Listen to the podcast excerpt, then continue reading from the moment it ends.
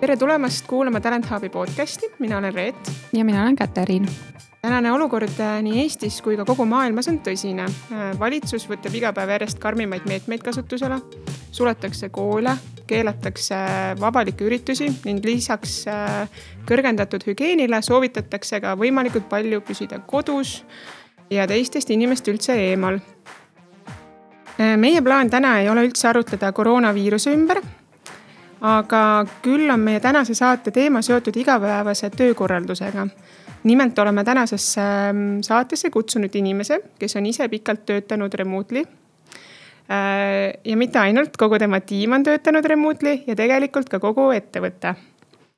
tere tulemast meie saatesse, endine Dogli, Dogli personalijuht Evelin Andersbok. tere miks ma ütlen endine, sest alates märtsi teisest poolest on Evelin tegelikult seotud Ampler Bikesi tegemistega.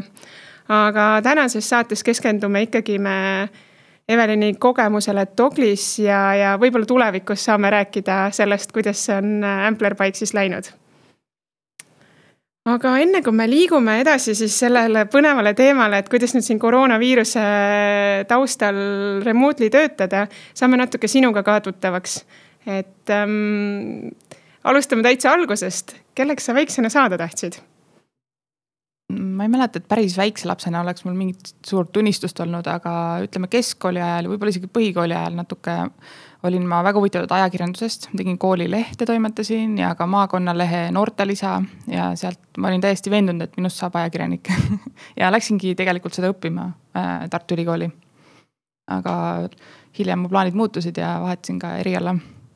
Just tahtsingi küsida, et mis siis juhtus, et äh, täna sa ei ole ajakirjanik, täna sa oled äh, personalijuht oh ma ei tea, mis juhtus, see oli lihtsalt asjade loomulik käik võib-olla, et äh, mul siiani on sihukene soe tunne, kui ma mõtlen oma ajakirjanik, ajakirjanikest sõprade peale või suhtekorraldajate peale, et see on mulle väga südamelähedane teema endiselt. aga Tartu Ülikoolist ma läksin edasi Ameerikasse, Dawson University'sse, mis on Baltimooris. ja alustasin ka seal massikommunikatsiooni erialal, aga siis äh, õppejõudude soovitusel vahetasin eriala politoloogia ja rahvusvaheliste suhete peale. Ja tegelikult äh, isegi magistrikraadi hiljem tegin äh, development studies ehk siis arengukoostöö alal ja töötasin ka sellel alal väga pikalt. ja see, et ma jõudsin personali asjade juurde, oli lihtsalt tegelikult täielik juhus, et lihtsalt nägin sobivat kuulutust ja mõtlesin, et miks mitte proovida midagi muud. Mu küsimus tahtsingi küsida, et kas oli juhuslik valik või teadlik, aga, aga mis selles kuulutuses köitis sind, miks sa, miks sa kandideerisid mm.?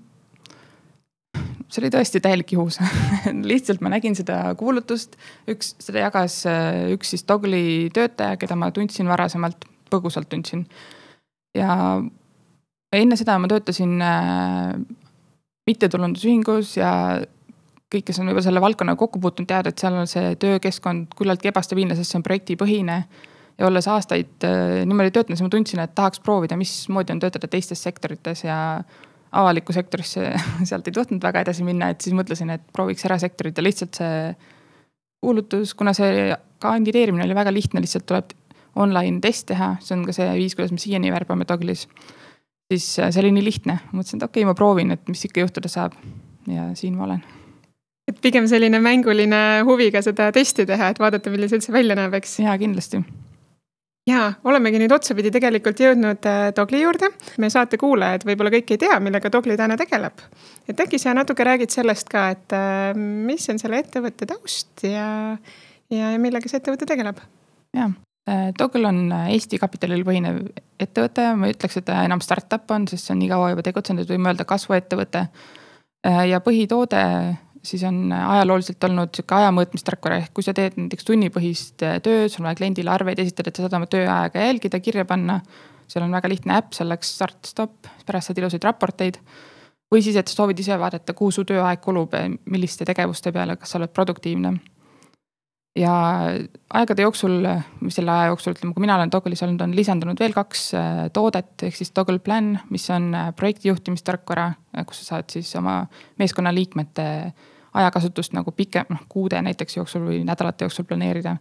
ja samuti Toggle Hire, mis on siis seesama testipõhine värbamissüsteem, millest nüüd on välja kasvanud toode väga põnev, äh, võib-olla mm, räägid veel natuke sellest ka, mis sinu ootused üldse olid, et kui sa no kandideerisid äh,. tuligi ootamatult, et nüüd oledki personalijuht äh, Doglis, et äh, mis ootused üldse oli selle ettevõttega liitudes? tegelikult äh, ma ei kandideerinud üldse personalijuhi kohale, sest algselt äh, olin ma office manager, sest Dogl ei olnud kaugtööettevõte. meil oli Rävala puiesteel kontor, isegi kahel korrusel lausa et meil oli umbes ma arvan, umbes kakskümmend, kakskümmend kolm inimest sel ajal. ja siis algsed minu ülesanded olid äh, ikkagi seotud tegelikult äh, kõigega, mis puudutab nagu office management'i, aga samas ka personalitöö, sellepärast et seda, seal ei olnud eraldi inimest selle jaoks, ehk siis kõik äh, värbamislepingud, asjad hakkasid kohe minu kaudu käima. ja selline ettevõtte kultuuri arendamine ja kõik team building asjad ja nii edasi. jah mm aga kui palju teil täna inimesi äh, ja milline see struktuur võib-olla üldse oli ka, et kas sa jäid lõpuni HR-i üksinda või oli seal veel inimesi? täna meil on siis People Ops tiim, ei kutsu seda HR-iks, aga noh, kõik teavad, et see on sama asi tegelikult ja siis äh, seal on äh, kolm inimest ehk siis lisaks minule veel kaks. üks on siis sisekommunikatsiooni inimene, kuna kaugtöö puhul on see ülioluline osa kogu sellest tiimikultuurist ja et asjad üldse toimiksid. ja samuti ongi siis eraldi team building manager, kes tegeleb kõikide ürituste, workshop'ide, muude selliste asjadega. ja siis äh, tegelikult äh, nagu ma mainisin, meil on ka sõsar, sõsarettevõtted, et siis Toggle Planis on veel eraldi inimene, kes katab kõiki neid asju selle ühe tiimi jaoks. ja ettevõttes kokku on täna äh, sada, kas sada kaksteist oli täna hommikuse seisuga vist, et umbes nii päris korralik kasv on olnud. ja, ja väga huvitav on see, et äh, personaliosakond on nagu natuke mittetraditsionaalne, et rollid ongi lähtuvalt remote work'ist nagu äh, kuidagi kujunenud, et, et seda on väga huvitav äh, kindlasti ähm, kuulda veel lähemalt, et mida siis täpselt teete, aga aga lähekski nüüd selle kaugtöö juurde, et äh, võib-olla, mida siis täna tähendab sinu jaoks kaugtöö? jah, see on üsna suur küsimus ähm ma arvaks, et kaugtöö on see, kui sa ei tööta koos oma tiimiga igapäevaselt, et kaugtööd ei pea tegema nagu, see ei tähenda seda, et on nagu toggle, kus ühtegi inimest ei käi kontoris, sest meil on tegelikult Tallinnas ka praegu kontor, kus äh, reaalselt mitte ükski inimene ei käi. enamik meie inimestest ei ela üldse Eestis, et see on üks näide kaugtööst, aga tegelikult äh, ka see, kui sa iga reede teed kodukontorist tööd, siis sa oledki kaugtööl. Ja neid vorme on hästi palju ja igale ettevõttele vastavalt nende enda nagu tingimustele või oludele, mis seal parasjagu on. aga ma olen hästi palju mõelnud viimasel ajal, et eh, miks see teema minu jaoks nii tähtis on ja miks ma sellesse usun ja see, see ei ole tegelikult see, et, eh, et siis inimesed ei pea kontoris käima. et eh, tegelik see võtmeasi seal on ikkagi see vabadus ja paindlikkus, mida inimesed tahavad. Nad tahavad ise kontrollida oma elu, oma otsuseid oma päeva osas ja nii edasi, et need on ikkagi põhiväärtused, mis on selle minu jaoks selle tuum.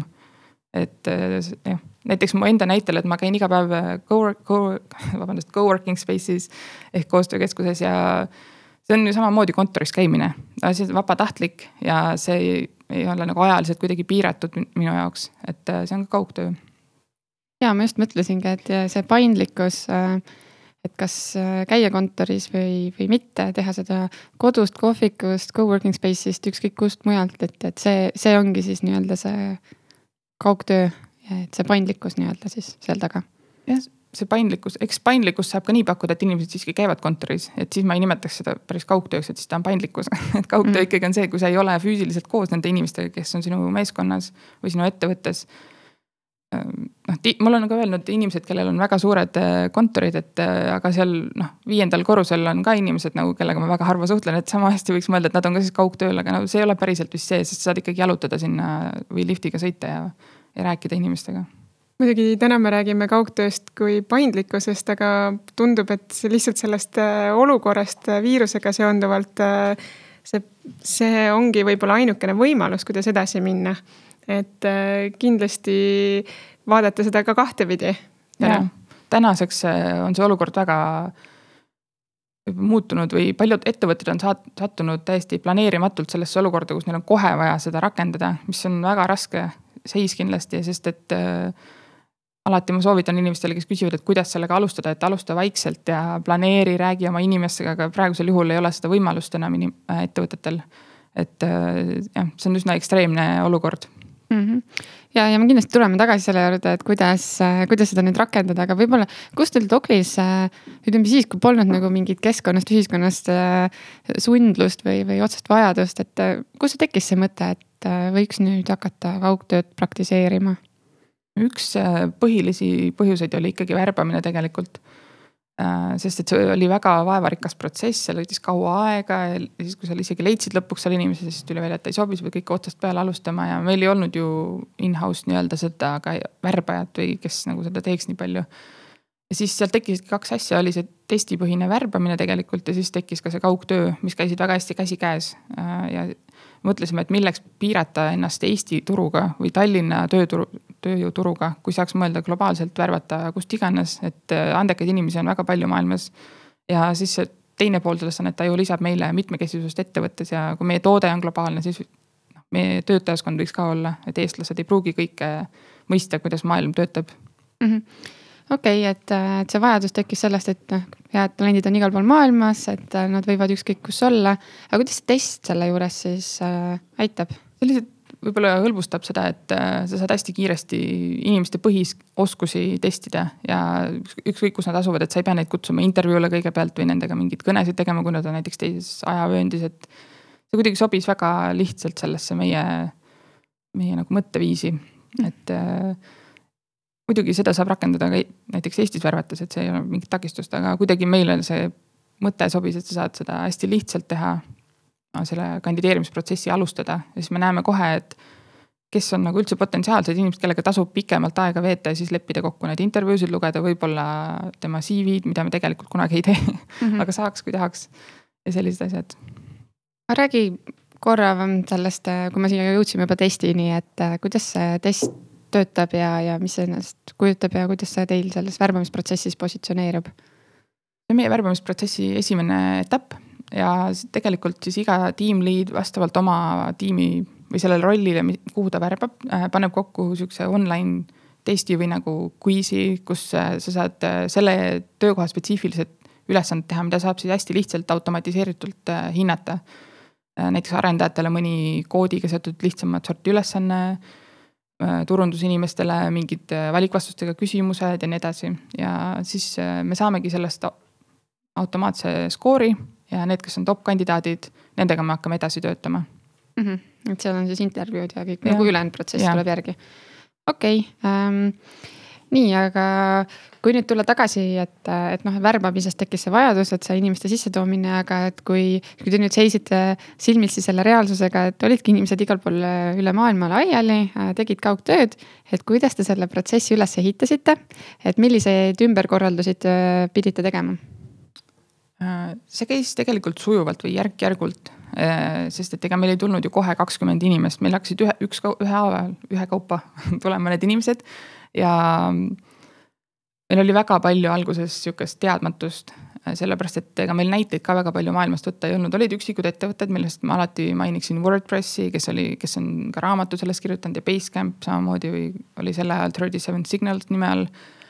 kes olid nagu selle teema kuidagi lauale pannud maailmas, aga ikkagi hästi palju tehnilisi küsimusi oli meil, et me ei tea, kuidas seda teha ja pluss enamik inimesi, kes Tallinnas olid, käisid ju ikkagi kontoris ja meil oli sihuke hübriid äh, päris, pikka aega. ja ma mäletan, me tähistasime seda hetke, kui oli mitte-eestlasi rohkem kui eestlased, siis nagu me olime päriselt remote et äh, kuidagi enda jaoks oli oluline milstone. mis hetkel see oli? ah, ma võib-olla ütleks, et kahe aasta jooksul, ma peast ei oska täpselt öelda mm, -hmm. aga poolteist, kaks aastat, ma arvan, võis minna selleni, et meil sel hetkel ei olnud õnneks see kasv nii kiire. hiljem on olnud aastaid, kus äh, on näiteks kahekordistunud äh, töötajate arv, aga tol hetkel ta tuli sujuvalt ja me kõik koos õppisime, kuidas seda teha ja aja jooksul tuli ka teisi ettevõtteid juurde, kellelt me saime kogemusi võtta üle ja nii edasi. aga siin on vist see, et see on iga ettevõtte puhul nii erinev, mismoodi nende üldsegi organisatsiooni struktuur on missugused äh, töö, tööviis, mis toodet nad arendavad või kas neil on kliendid, äh, palju kliente või ei ole kliente, näiteks tooteettevõte nagu meie. et see väga palju mõjutab mitmes mm, ajatsoonis äh, te täna olete? ma ei ole kokku lugenud, aga neid on palju, et meil on igal kontinendil ikkagi keegi mm. -hmm okei okay, ähm,, aga läheme veel nagu võib-olla süvitsi sellega, et, et noh, et siin te õppisite aja käigus, et kuidas see remote töö siis äh, teile töötab, et äh, mis on need võtmeelemendid näiteks täna, mis, mis teie puhul siis kindlasti töötavad? no ma ütleks, et asjad, millega me võib-olla nägime vaeva ja mis tänaseks äh, oleme nagu paika enam-vähem saanud, võib-olla siis on näiteks koosolekute pidamine, et videokõnede tegemine oli ka tehnilisel põhjustel, et näiteks neid tööriistu ei olnud nii häid sel ajal saada. Äh, see oli üks asi, mida me oleme timminud ja me oleme õppinud ära, et kui, kui sa teed näiteks videokoosolekuid, siis kõik inimesed on oma arvutiga ühekaupa äh, osalevad, mitte ei ole niimoodi, et on viis inimest kontoris laua ääres ja siis üks kuskilt helistab sisse ja siis on kindel, et seal ei ei ole mugav kellelgi olla. Äh, üks asi, mis me oleme ka, ma arvan, väga hästi või noh, ütleme hästi ikkagi jah, paika saanud, on, et me dokumenteerime hästi palju oma protsesse, paneme kõiki asju kirja. See on ülioluline selles suhtes, et kui keegi tuleb, tal ei ole võimalust minna ja koputada kellegi õla peale, et räägi mulle kähku ära, kuidas see asi käib. saaks muidugi seda Slacki kaudu küsida või videos aga see on palju keerulisem, et me oleme aru saanud, et hästi lihtne on ikkagi, kui sa paned kirja need asjad. see on tüütu võib-olla sel hetkel, aga sa ei pea seda pärast sada korda uuesti seletama igale inimesele. ja inimesed saavadki iseseisvalt töötada, kui ta on näiteks ongi teises ajavööndis või mis iganes muul põhjusel, et äh, ei, pea olema kogu aeg samal ajal online, samal ajal tegema asju, et see aitas hästi palju. ja me oleme päris palju teinud tööd oma juhtidega ka tegelikult, et äh, kuidas siis teha neid äh, üks-ühele vestlusi Äh, kui sa teed seda video teel või üldse, kuidas neid teha, aga ikkagi seal on mingisugused erisused ilmselt, kui sa ei näe inimest reaalselt ja sa ei näe võib-olla igapäevaselt, missugune. et kui ta on veits norgu vajunud, et äkki sa lähed ja küsid, sest et see ei paista välja kuskilt kirja teelt. et selliseid asju me oleme õppinud, õpetanud siis inimestelt, kuidas tähele panna ja rohkem otse küsida asju, mis, mis sind huvitavad. on sul mingeid äh, häid nippe välja tuua, et ütleme, et kui minul on ka tiim, kes on remotely ja ma nüüd mõtlen, et kuidas ma nüüd nendega siis äh, neid one-on-one'e teen, et, äh, et mis sa mulle näiteks kohe soovitaksid? kõige esimene soovitus on, et tee neid, sest et hästi paljud inimesed jätavad selle tegemata ja ega siis ei juhtu midagi, kui sa neid ei tee. ja oluline on tekitada see usalduslik suhe selle töötaja ja sinu vahel ja see peab olema vastastikune ja usaldus ei teki üleöö sellepärast, et sa oled tema ülemus, vaid sellepärast, et et sa oled teinud tegusid, mis tõestavad talle, et sa oled usaldusväärne ja vastupidi. ja selles one-on-one vestluses siis tulebki päriselt küsida neid asju, mis sul nagu, mis sa teada tahad, et kui sa tahad teada, et kuidas sul läheb, siis sa küsid, kuidas sul läheb. mitte ei ürita eeldada või kuidagi õhust seda püüda mm. -hmm. Ja nüüd rääkides sellest dokumenteerimisest, siis kas see näiteks tähendab nii, et kui mul on, ütleme, ongi see tiim ja et äh, nüüd ühes ajatsoonis nad teevad tööd, siis äh, keegi teeb tööd, ütleme, ta siis paneb kõik kirja. et äh, kui keegi teine ärkab, siis ta teab, et mis on võib-olla kellegi tiimikaaslase poolt eelnevalt tehtud, mingid küsimused, mis seal tekkisid või, või kuidas see. kas see käis niimoodi kuidagi või kuidagi teisiti?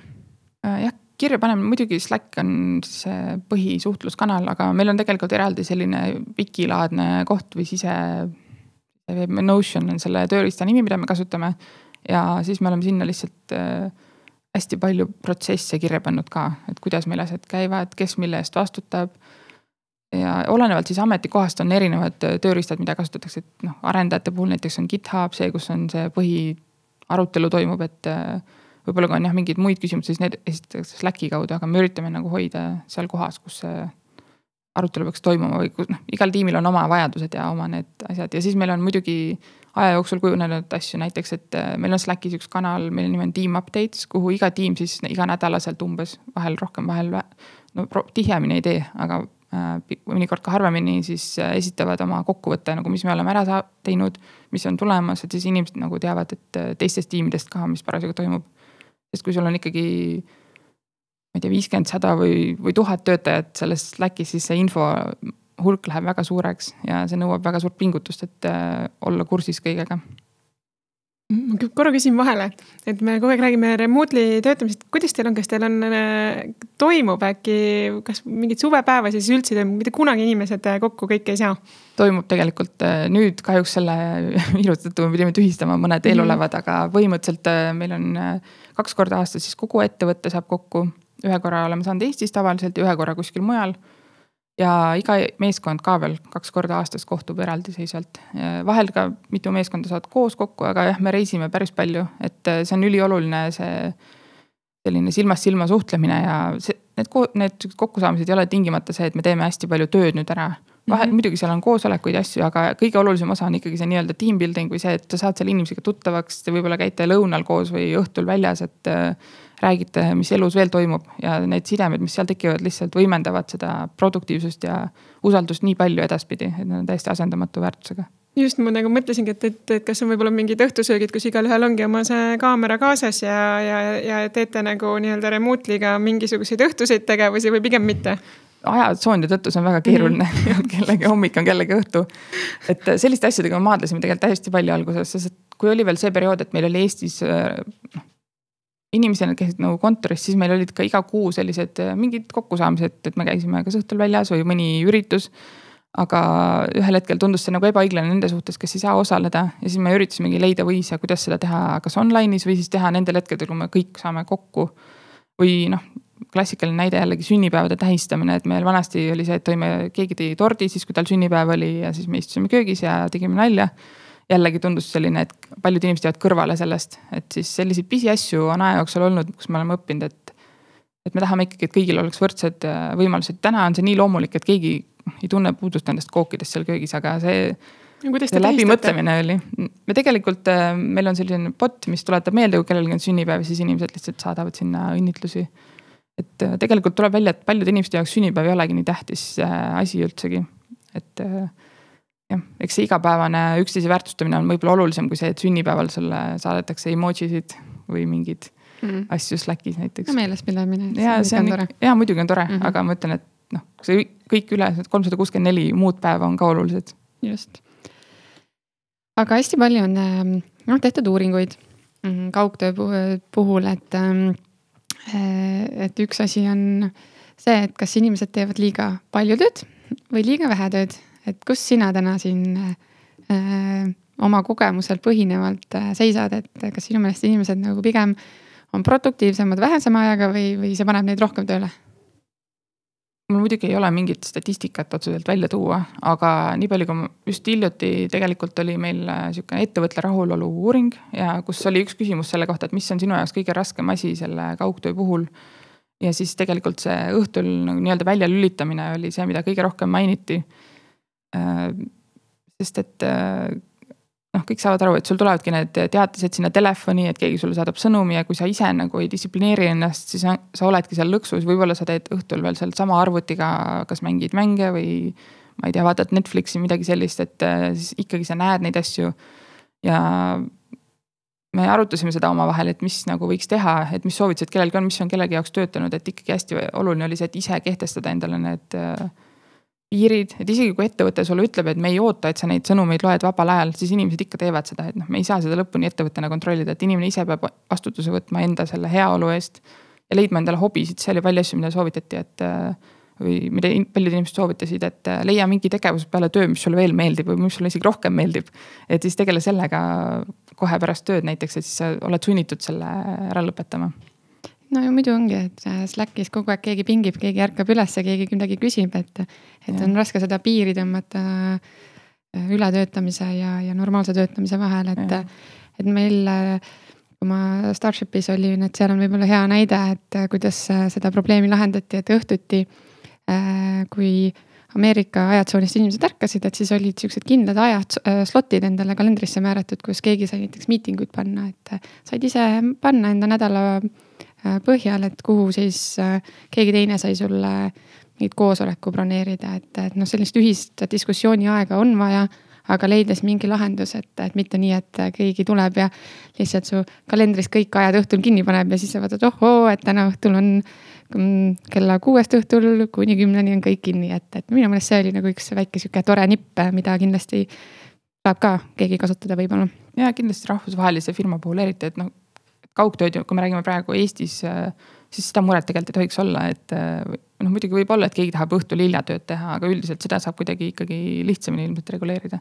ma tahtsin mainida veel, see, su küsimusel oli kaks pool, et poolt, et üks oli, et kas teevad liiga palju ja kas teevad liiga vähe, oli teine.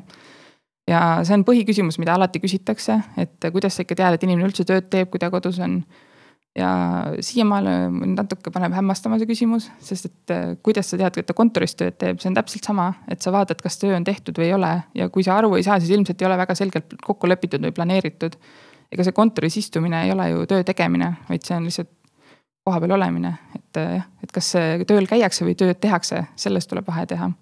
ja minu kogemus on küll, et äh, et inimesed teevad tööd, sest et sa saad aru, et su kontor ongi või sinu kodu ongi sinu kontor, kui sul on kodukontor ja et see on ikka töö, mis sul on vaja ära teha ja sul on vastutustunne. ja kui keegi tõesti ei tee, sest ikka noh, ka kontoris on inimesi, kes on äh, lohed ütleme, et see paistab kohe välja, sest et veel kiiremini, ma arvan, kui seal kontoris, sest kontoris sul jääb illusioonist äh, mulje, et ta ju käis kohal, ju ta ikka midagi tegi, aga võib-olla ei teinud mm. -hmm. muidugi ähm kui, kui sa ennem mainisid, et üks hetk te tähistasite seda hetke, kui teil oli rohkem kaugtööl inimesi kui inimesi kontoris. mis hetkest te täiesti kaugtööle üle läksite? tegelikult algusest peale me nagu võtsime selle eesmärgi või selle suhtumise, et kõik asjad, mis me teeme, peavad töötama selles mõttes full remote ja kõigil oli õigus või võimalus minna kodus töötada, lihtsalt neil oli, meil oli nii tore seltskond, et meile meeldis olla üksteisega koos, aga aja jooksul kui sul näiteks sinu tiimis enam kedagi Eestis ei olnud, siis nagu ei olnud väga mõtet sinna kontorisse otseselt tulla ja siis äh, paljud inimesed hakkasid ikkagi kodust äh, tööd tegema. ja tänaseks äh, ongi nii, et enamikes tiimides on nii hajunud üle maailma laiali, et seal ei ole mõtet nagu käia mm. -hmm ma enne viitasin ka ühele uuringule, et see Puhveri ja AngelListi uuring, et, et võib-olla teine asi, mis sealt välja tuli, et kui nad küsitlesid kolme tuhandet viitsadat inimest, kes teevad kaugtööd oli see, et võib-olla kõige suurem murekoht äh, kaugtöö puhul on see, et inimesed tunnevad üksildust ja, ja sihukest suhtlust, vahetu suhtlust, äh, puudust sellest. et kuidas teil sellega lood olid, kas tuli ka näiteks välja kuskilt seda? ja see tuleb aeg-ajalt ikkagi välja, sest et äh, see ongi väga inimlik vajadus suhelda teiste inimestega. ja kui meil on näiteks palju suhteliselt noori töötajaid, kellel ei ole veel peret loodud ja võib-olla elavadki üksinda, et kindlasti või isegi kui sa ei ela üksinda, aga sa oled päev otsa üksinda kodus, teed tööd, sest su partner on äh, tööl. Äh, jah, paljud inimesed on sellega maadelnud, aga me oleme leidnud kuidagi lahendusi ja samad soovitused tegelikult, mis ma enne ütlesin, et sa pead leidma hobisid, sa pead käima kodust väljas. viimasel ajal on üha rohkem inimesi hakanudki neid koostöökeskuseid kasutama.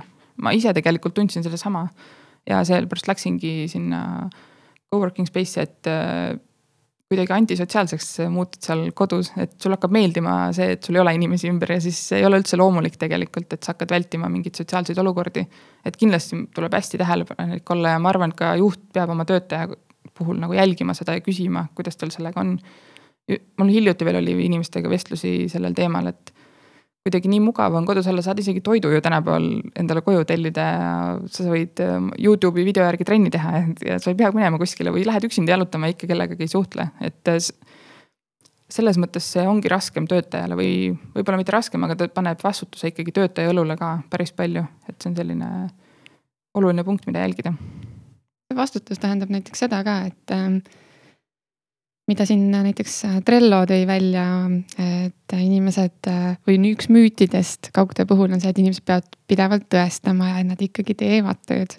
et sellist nagu kogu aeg näitamist, et äh, ma ikka olen usin ja tubli, et ma ikka siin üksi teen tööd, et kas, kas seda on ka näha kuidagi? Ausalt öeldes seda ma ei ole nagu tähele pannud ja ma arvan, et see on sellega seotud, et meil on need tööülesanded hästi selgelt kokku lepitud. ja see ongi, et kas on siis tehtud või ei ole, et see, mis kell sa seda tegid või kas sa olid online'is, et see, see tegelikult ei ole nii tähtis, et sa pead lihtsalt olema kättesaadav, ütleme ikkagi mingi mõistliku osa ajast, see ei tähenda, et sa pead kohe vastama kõigele. ma tean, et on ettevõtteid, kaugtööettevõtteid, kes eeldavad, et sa vastad umbes poole tunni jooksul kõikidele sõnumitele, aga meil ei ole selliseid reegleid Ehm, jah, et ma ei, seda ma ei ole nagu väga täheldanud tegelikult, et ma arvan, et see juba näitab usalduse puudumist ka ettevõtte sees, kui sa pead kogu aeg tõestama, et ma nüüd olin siin. et see on umbes sama nagu, et sa istud kontoris ja siis tõestad sellega, et sa teed tööd, et mis ei ole päris seesama mm. ja nüüd äh, nendest töö, et on selgelt, et mis, ma ei tea, kas te kuidagi eesmärgistate oma tööd? Ähm, on teil mingid mõõdikud paigas, et, et see oleks väga selge ja läbipaistev kõigile? See on selline, nagu öeldakse, work in progress või me praegu tegeleme sellega, et meil on alati olnud äh, eesmärgid iga meeskonna sees ja need on võib-olla olnud erinevad, olenevalt sellest, et mis valdkonnas äh, inimesed tegutsevad, et näiteks noh, meie people ops tiimis on need teistsugused kui arendustiimides, et ja ei ole otseselt võib-olla nii numbrite põhiselt meie tiimis näiteks see asi olnud, aga on tiime, kus on saanud seda teha. aga hetkel meil on siis käsil see protsess, et juurutada seda nii-öelda OKR-d, Objectives and Key Results äh, süsteemi. et rohkem ühtlustada seda, sest mida suuremaks ettevõte kasvab, siis info ei liigu enam nii vabalt ja, ja väikse ettevõtte puhul sa lihtsalt tead, mida keegi teeb, sest et äh, võib-olla sul on nädalased koosolekud, kus jagatakse infot ja kui veel asjad kirjas on ka, see ei ole nii keeruline, aga kui sul on juba viiskümmend, sada inimest, siis äh, tekib ikkagi see teadmatus või see jah, et äkki kuskil on midagi toimumas ja ma ei teagi sellest -hmm.. okei ja võib-olla veel remote töö korralduse poole pealt äh, küsiks lõpetuseks seda, et, et äh, kuidas teil see äh, tasu pool on üles ehitatud ja ma mõtlen just siin seda, et kui sul on kontor, siis sul seal on internet ja, ja võib-olla mingi kohvi saad võtta ja puuviljad, et, et kas kuidagi on kompenseeritud see osa ka töötajatele, kui nad kodus töötavad? meil on kompenseeritud kodukontori ülesseadmine, ehk siis me, meil on eraldi eelarve iga inimese kohta, et osta endale, ma ei tea, laud ja tool ja monitor ja sellised asjad, mis sul vaja võiks minna, et ergonoomiline töökeskkond luua. internetti loomulikult äh, või siis ka seesama co-working space, et kui keegi tahab sinna minna, siis me kompenseerime seda, aga toidu osas ei ole ja selliste vahendite osas oleme ikkagi piiri tõmmanud et ähm, samas jällegi ma tean, et maailmas on ettevõtteid, kes annavad näiteks igakuise äh, Starbucksi sellise kinkekaardi, mida sa siis kasutada, et käia seal tööd tegemas, sest väga paljud inimesed kasutavad tegelikult kohvikuid ka. kuigi enamik töötab kodus, siis ikkagi see on variant, et äh, miks mitte seda ka pakkuda mm. -hmm nii, aga näpunäiteid siis võib-olla meie kuulajatele ka, et äh, keegi värske, ütleme kuulaja tahab nüüd hakata ka enda tiimi üles ehitama või olemasolevat tiimi ümber muuta siis kaugtööle. et mis võib-olla on esimesed soovitused äh, sellisele inimesele, kes seda tahab teha?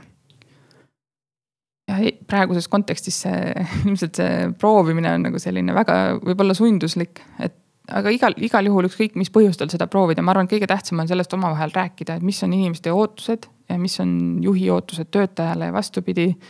et ei tekiks sellist politseiriigi õhkkonda, et mind kogu aeg kontrollitakse ja ma pean oma võib-olla, võib-olla isegi minuti pealt oma seal tööaega tõestama, et tegelikult võiks siis kuidagi proovida leida see kompromiss ikkagi, see on hästi oluline ja samas äh, proovides teha kõik info nagu inimestele kättesaadavaks, et ma tean, et teatud asutustes ja ettevõtetes võib olla turvariske või muid selliseid põhjuseid, aga enamikes ettevõtetes, ma arvan, on võimalik äh, dokumente jagada ja vaadata, et inimestel oleks ligipääs. Ja võib-olla hea, kui teil ei ole kasutusel mõnda suhtlussüsteemi, näiteks Slack või ka Skype'i chat või midagi sellist, siis tekitada see võimalus, et saab reaalajas ka üksteisega suhelda ja leppida siis kokku, et mis need ajaraamid on, milles või võiks keegi kättesaadav olla, et mingisugune ühisaeg võiks ju ikkagi olla. et võib-olla alustada sellistest küsimustest ja ma usun, et äh, enamikes ettevõtetes on ka keegi tehniline inimene või IT-inimene, kes suudab aidata neid äh, tööle panna. ja võib-olla ka koolitada inimesi, sest et äh, noh, olenevalt töötajaskonnast võib see üsnagi keeruline olla alguses, et hakata kohe Slacki kasutama näiteks mm. -hmm ja, et sa tõid välja ilusti need äh, kolm faktorit, mida hästi palju räägitakse, ongi see usaldus, äh, suhtluse pool ja selline tehnoloogiline valmidus, et erinevad noh, pilvetehnoloogiad, et sa saaksid tõesti igalt poolt ligi, et, et ei ole nii, et sa pead minema füüsiliselt kuhugi, kuhugi kohale ja seal on sul arvuti ja siis saad sisse logida oma parooliga, et. et tõenäoliselt need on jah, need äh, asjad, mis, mis on olulised, aga enne ma ütlesin, et ka seda dokumenteerimist, et kas siis peaks juba alustama doku-, dokumenteerimisega enne remotely asumist, et, et see läheks sihuke kuidagi sujuvalt üle või et on sul mingi siin ka mingi soovitus? noh, praeguses olukorras muidugi on seda raske soovitada, aga üldiselt, üldiselt, üldiselt mm -hmm. ma arvan, et sa ei saa kõike ette näha, mida sul vaja läheb, et äh, muidugi, kui on teada, et mingid protsessid on olulised jälgida, siis need saab ju kohe enne kirja panna, aga töö käigus ilmneb, ilmneb teil kindlasti asju, mida te ei olnud mõelnudki, et. Et ahaa, et sihuke asi ka veel, kuidas me sellega tegeleme, et siis paned jooksvalt need asjad sinna juurde, et see ei ole mingisugune maailma lõpp, kui sul ühte asja ei ole noh, kohe alguses kirja pandud meie suhtumine on alati olnud, et hästi paindlikult ja vaatame käigu pealt, mida vaja on. ja seda tulebki inimestele ka nagu kommunikeerida, et see on okei okay,, et äh, see, me ei saa kurjaks selle peale ja me lihtsalt, kui keegi näeb mingit auku, siis täidame ära selle ja proovime nagu pigem sellist äh, lähenemist, et äh, siin on tegelikult töötajad peavad päris palju kaasa tulema sellega, see on sihuke muutuste juhtimise küsimus, et sa pead ikkagi inimestele ka näitama, miks see neile kasulik on, sest et tegelikult noh. ega kõik inimesed ei taha kodus töötada ja neile meeldib käia kontoris, nad tegelikult võib-olla ei olegi väga tervislik, et su kodu ongi su kontor et sellega tuleb ka arvestada ja siis leida sellele ka vastuse võimalus, et võib-olla siis osad inimesed näiteks on kodus, kes tahavad ja osad ei ole, aga kuidas nad ikkagi suheldud saavad omavahel, kuidas me teeme koosolekuid ja nii edasi, et äh, palju mõttetööd on küll, aga kõike ei suuda korraga ära lahendada ja ei, no muidugi natuke jääb kõlama, et kõik on nagu, teil oli nagu hästi-hästi ilusti ja kõik oli nagu planeeritud ja organiseeritud, et aga noh, kindlasti on mingeid raskuseid ka, et äkki sul nagu tuua mingi, mingi näide mõnest olukorrast, mis oli tõesti nagu keeruline, et ja ei toiminud teile absoluutselt? ma ei tea, kas on nagu sellist noh, täiesti metsa läks midagi asja, aga kõik need pisiasjad võivad kohati väga kurnavaks muutuda, seesama koosolekute teema, meil oli noh, kõik meie töötajad või noh, kes on varasemast mäletavad seda, et kui meil oli ikkagi enamik inimesi Tallinnas, siis meil oli iga nädal, iga reede oli selline koosolek või kokkusaamine, kus kõik osalesid. ja kus siis tehti näiteks ettekandeid äh, kas mingite projektide kohta või keegi oli käinud konverentsil, siis ta nagu rääkis sellest. ja siis, kui sul on üks või kaks inimest kuskil teises maailma otsas, et tahad neid ka kaasata, siis me leiutasime seal igasuguseid viise, kuidas teha videoülekandeid, siis meil oli isegi stuudiovalgustus mingi hetk ja siis inimesed istusid seal koos, et kuidas sa ikka näed samal ajal esinejat ja publikut ja slaide. ja see läks väga-väga keeruliseks, kuni me lõpuks otsustasime, et see on täiesti naeruväärne, et me lihtsalt igaüks istub oma arvuti taga, isegi kui sa oled samas ruumis ja see asi on lahendatud, et. aga selleni jõudmine võttis meil väga pikalt ja kuidagi äh, olime nagu nendes vanades mudelites võib-olla liiga kinni ja selliseid pisikesi näitajaid on palju, et nad tagantjärgi see ei olnud üldse mingi probleem, kui ma nüüd vaatan, aga tol hetkel ikkagi murdsime pead selle üle, et kuidas, kuidas seda sünnipäevade asja ikka lahendada mm. -hmm. sellised äh, näited. aga kuidas sellega on, et äh, no ikkagi selle usalduse puudumise pärast või kui keegi kuritarvitabki seda usaldust, et ütleme, sul on inimene töötab kaugelt ja tegelikult ongi asjad tegemata ja ei, nagu sa näed ja sa proovid ja eesmärgid on ja nagu midagi toimub, aga samas midagi ei toimu ka, et kuidas siis käituda? ma arvan, et siis äh, hästi, esimene asi hästi kiiresti ikkagi rääkida selle inimesega, uurida, et võib-olla midagi juhtunud, sest vahel on ka seda, et inimesel on mingi eraisi, eraelus äh, mingisugune probleem aga no ütleme, et ei ole ja ta ongi lihtsalt laisk olnud, et siis äh, tuleb ikkagi nagu tavalises ettevõttes, et sa ju annad hoiatuse ja sa tegid, teed mingi plaani, et kuidas siit edasi minna, et täpselt samamoodi, et seda ei tohi kindlasti jätta niimoodi ripakile, sest see hakkab õõnestama seda moraali kogu selles meeskonnas äh, või tiimis. Siit üks äh, väga huvitav mõte, mis tekkis, et kuidas te seda korraldasite? teistes riikides teil ei olnud ju juriidilisi kehasid, et kuidas, mis lepingutega inimesed töötasid kuidas see pool kõik oli üles ehitatud? Ehm, need lepinguid on erinevad, see on, sellest ma arvan, võib eraldi saate teha, et väga põhjalikult ei hakkaks siin rääkima, aga jah, neid lepinguvorme on erinevaid. Äh, vastavalt sellele, et kus riigis keegi on ja kas tal on näiteks enda ettevõte või ei ole, et äh, see on selline val valdkond, mis tegelikult on globaalselt reguleerimata lõpuni ja see on nii uus lihtsalt, äh, et nii palju, kui ma olen rääkinud teiste rahvus nagu kaugtööettevõtetega, siis ei ole kellelgi lõplikku õige vastust siin. ja jah, et see on natuke selline keerulisem, pikem teema tegelikult. aga kas jäi keegi värbamata ka selle tõttu, et ei suutnudki mingit nagu tööformaati välja mõelda? ei ole jäänud, et me oleme mm -hmm. alati leidnud mingi lahenduse, mis tundub nagu parim, mis me suudame välja mõelda sel hetkel. ja jah, tegelikult ongi meil ikkagi juriidiline keha on Eestis ja me mm -hmm. selles mõttes selle oleme jätnud lihtsaks, et me, kui meil on igas, meil on kolm, üle kolmekümne riigi täna. ja või paljudes riikides on üks-kaks inimest, et siis ei ole mõistlik sinna endale kontorit rajada mm -hmm.. võib-olla see inimene läheb aasta pärast töölt ära, et siis paned uksed kinni mm. -hmm. et see on väga suur töö no kindlasti on jah, sellel ka veel küsimused, et no need äh, raamatupidamislikud ja maksuküsimused ja, ja lepinguformaadid, et. et neid asju on noh, ikka tekib juurde, et äh, kas te, noh ma natuke puudutan ikka seda teemat, et kas te leppisite siis kuidagi vastavalt siis kandidaadiga kokku, et kes teile pidi tööle asuma, et. et mis need variandid on, et kui palju nagu tema pidi panust panema, kui palju teie nagu tegite seda uurimistööd? me ikka proovime ise nii palju ära mhm. teha, kui okay. me saame, et äh, omalt poolt mingid variandid äh, välja pakkuda, sest et äh, nagu ma ütlesin, et see ongi sihuke reguleerimata, see on uus valdkond, ega töötajatel ka ei ole seda kogemust, et peame koos ikka välja mõtlema, kuidas Mhm. sellega on, et võib-olla kui kellelgi on konkreetsemaid küsimusi, siis nad võivad minu poole lihtsalt hiljem pöörduda, et me saame nagu oma kogemust täpsemalt jagada, et ma arvan, et see on liiga keeruline, et seda praegu seletada. ja, ja siit ongi hea üleskutse, et tõesti, et kui kellelgi on küsimusi, et siis, siis saab äh, pöörduda Evelini poole, et, äh, et leida võib-olla nende praktikatesse head vastused, et, äh, et kindlasti see on sihuke lai teema. aga vist liigume siit äh, edasi. ma küsiks veel tegelikult äh, nende mm, töövahendite tehnoloogiliste lahenduste kohta. et äh, hästi oluline, sa ise tõid ka välja, et, et on, mainisid Wikit, et seal peaks olema mingisugused protsesside kirjeldused.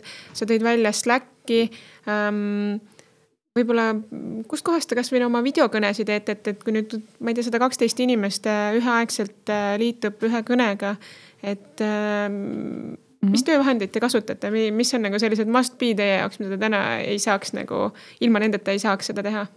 videokõnede puhul kindlasti Zoom, mis on parim, mis me oleme suutnud leida. ja see töötab tõsiselt ka suuremate rahvahulkade puhul. seal on päris palju siukseid lisavõimalusi ka, mida me isegi ei ole, ma arvan, enamik ei kasutanud, et sellest üsna sellest põhiasjast meile on piisanud, aga see on väga oluline. Zoom on siis video. videokõnedeks, jah, just. Saab ka webinare teha, kus sa tõesti sadu või isegi tuhandeid minu teada inimesi saad sinna liita või noh, personali poole pealt on siis Bamboo HR, mida kindlasti paljud kasutavad juba ka tavaettevõtetes. ja üldine, üldisel nagu see meie mõtteviis või lähenemine ongi, et leida asju, mis on ikkagi pilveteenused ja hästi automatiseerida hästi palju asju ära, et ei peaks käsitsi tegema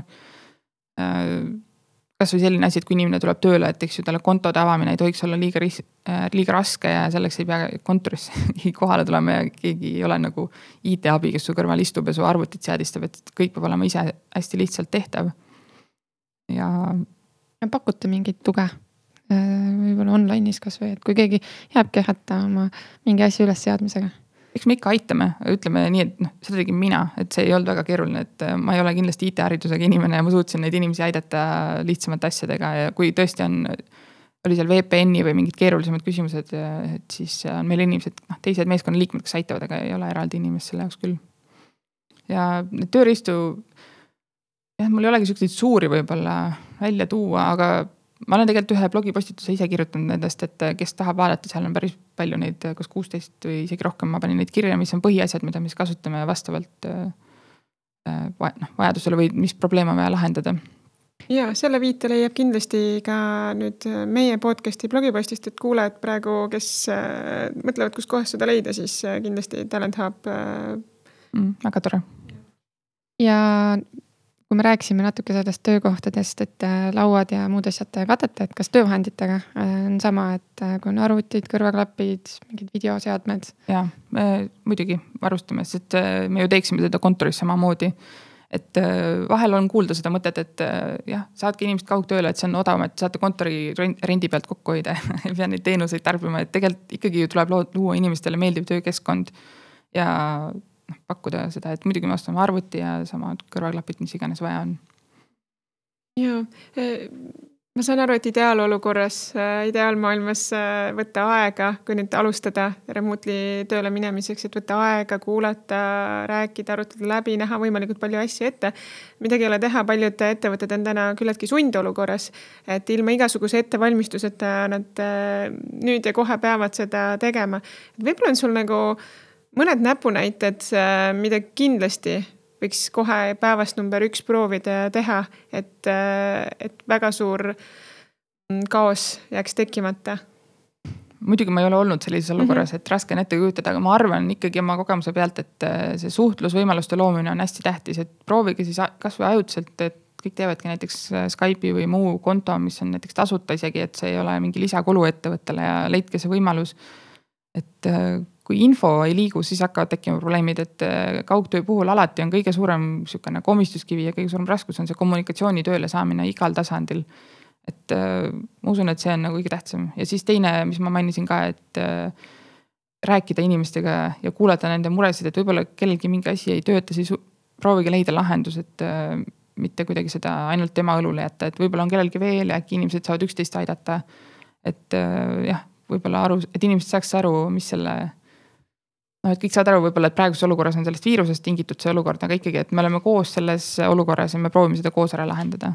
et see oleks hea lähenemine minu arvates. mm. -hmm, väga hea, aitäh, kuigi meie saade võib-olla natukene on erilisem, võib-olla suunatud just selle viirusega seonduvalt, siis ma ei tahaks ära jätta meie klassikalist osa, mis on lõpus siis äh, kiired äh, küsimused ja vastused. et Evelin, oled sa valmis? täiesti valmis. täiesti valmis, nii. kes on ägedad personalivaldkonna inimesed, keda sa jälgid ja tunnustad täna? Võib-olla raske nagu kindlaid nimesid välja tuua, aga ma kindlasti jälgin teisi remote ettevõtete personalijuhte, kes on huvitavaid asju teinud või või samuti näiteks Wordpressi asutaja Matt Mullenweg, kes on lihtsalt äh, väga huvitavate mõtetega või, või üks, kelle veel nime võib-olla välja tuua, et ta ei ole personaliinimene, aga on siis Jason, Jason Fried, kes on Basecampi üks asutajatest ja väga aktiivne näiteks Twitteris. ja nad on siis kirjutanud mitu raamatut ka oma kaasasutajaga kaugtööst, sellest, kuidas äh, töö juures sihukest rahulikku õhkkonda säilitada, mitte hulluks minna, et ma väga. ma ei ole kõigega nõus, mis nad kirjutavad, aga ma jälgin ja minu arust see on väga põnev, kuidas mm -hmm. nad mhm. mõtlevad. mõni äh, raamat või podcast, mida sa soovitad lugeda või kuulata mm,?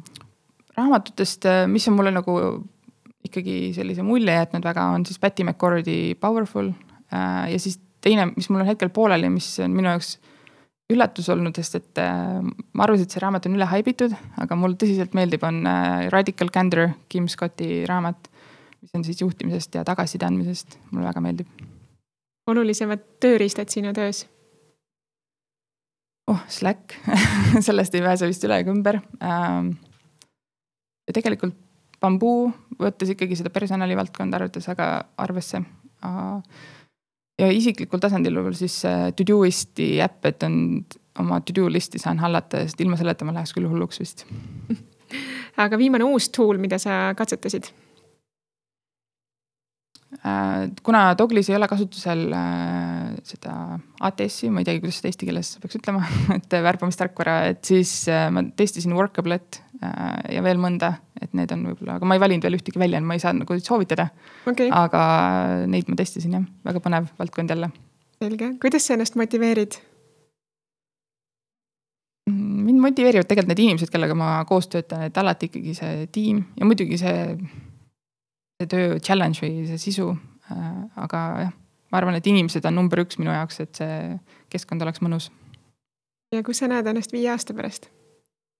No nagu sa alguses mainisid, et äh, mul just on äh, töökohavahetus ees, et väga raske on selles osas nagu kindlalt öelda, kus ma ennast näen. aga ma usun, et ma olen selles valdkonnas, et ma ju alguses rääkisin ka, et kuidas ma olen täiesti teise tausta pealt tulnud, et praegu ma tunnen, et see on tõsiselt asi, mis mulle meeldib. ja ma olen ka tähele pannud, et see valdkond on personalivaldkond on tegelikult mingites kohtades väga konservatiivne ja vana, vanamoodsaid meetmeid kasutatakse, et ma näen nii palju võimalusi siin lahedaid asju teha tulevikus, et võib-olla ikkagi jään selle ala juurde pikemaks. Super, aitäh sulle. Ja aitäh sulle üldse jagamast oma mõtteid ja ideid ja kogemusi just selle remotely töötamise osas. Et äh, paljud inimesed näevad selles äh, tohutut hirmu, aga nagu sa ütlesid, siis enamik probleemid on needsamad, mis äh,, mida, mida me kohtame ka kontoris töötades, kas inimene teeb tööd või ei tee tööd. Äh,. et, et need probleemid on iseenesest sama, et see suhtumine just on õige, et tänases olukorras küll jah, seda pikka ettevalmistust ei saa teha aga, aga ärgem kartke nagu koju jääda ja kodus tööd teha, kel vähegi võimalik on. ja see on väga huvitav eksperiment tegelikult, et äh, kuigi ta on raske, aga ma ikkagi julgustan inimesi, et proovige, mis ikka juhtuda saab. aitäh sulle. aitäh